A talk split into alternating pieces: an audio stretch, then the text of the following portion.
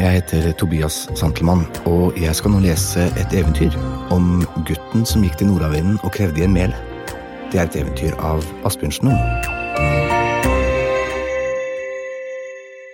Det var en gang en gammel kone som hadde en sønn, og siden hun var så ussel og skrøpelig, så skulle gutten, sønnen hennes, gå på stabburet for å hente grøtmel til middags.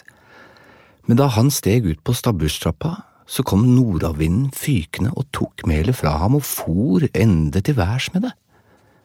Gutten gikk ut på stabburet etter melet, men da han steg ut på trappa, kom nordavinden fykende igjen og tok melet fra ham, og slik gikk det tredje gangen også. Dette ble gutten sint for, og han syntes det var urimelig at nordavinden skulle fare slik frem. Og så tenkte han han fikk lete nordavinden opp og kreve melet tilbake. Ja, han la av sted, men veien var lang og han gikk og han gikk, endelig kom han til nordavinden. God dag, sa gutten, og takk for sist. Ja, god dag, svarte nordavinden. Han var grov i målet. Og takk for sist. Hva vil du? sa han. Å, sa gutten, ja, jeg vil nok be deg om du vil være så snill å la meg få igjen det melet du tok fra meg på stabburstrappa, for vi har lite, og når du skal fare slik å ta det lille vi har, så blir det ikke annet enn svelt i hjel. Ja, jeg har ikke noe mel, sa nordavinden, men siden du er så nødig, skal du få en duk som skaffer deg alt du kan ønske, bare du sier duk, bre deg ut og dekk opp med alle slags kostelige retter. Det var gutten vel fornøyd med, men da veien var så lang at han ikke kunne nå helt hjem den dagen, gikk han inn til en gjestgiver på veien. Og da de som var der skulle ete til kvelds, la han duken på et bord som sto i kroken og sa, Duk, bre deg ut og dekk opp med alle slags kostelige retter. Aldri før hadde han sagt det, så gjorde duken det, og alle syntes det var en herlig ting. Men ingen likte det bedre enn gjestgiverkona. Det var ikke mye bry med steking og koking, med duking og dekking, med henting og fremsetting på det bordet, tenkte hun. Og da det led ut på natten, så alle sov, da tok hun duken og la en annen i stedet, som var akkurat likedan som den gutten hadde fått av nordavinden, men som ikke kunne dekke opp med en havrelefse engang. Da gutten våknet, tok han duken og gikk av sted med den, og den dagen kom han hjem til moren. Nå, sa han, nå har jeg vært hos nordavinden.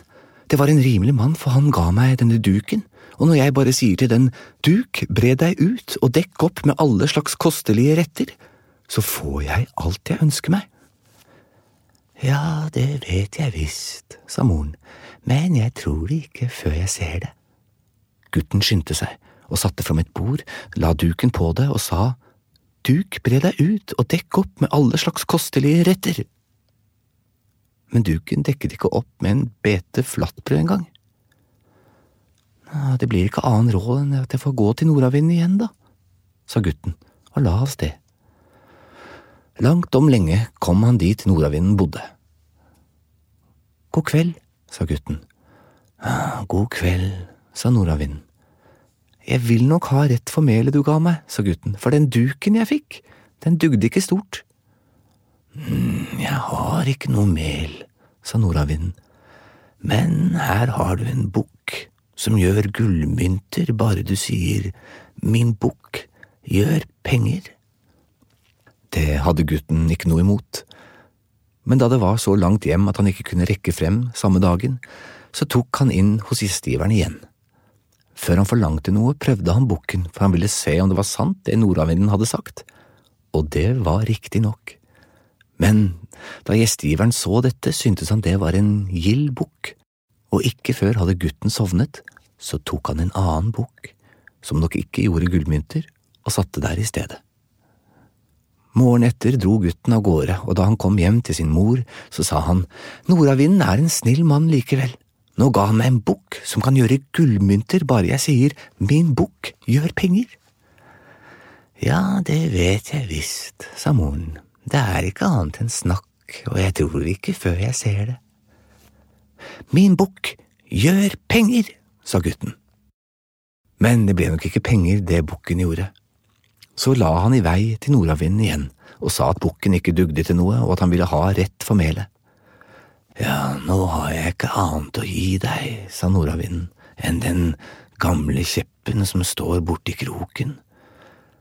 Men den er slik at når du sier min kjepp, slå på, så slår den like til du sier min kjepp, stå still. Da veien var så lang, så gikk gutten inn til gjestgiveren også denne kvelden.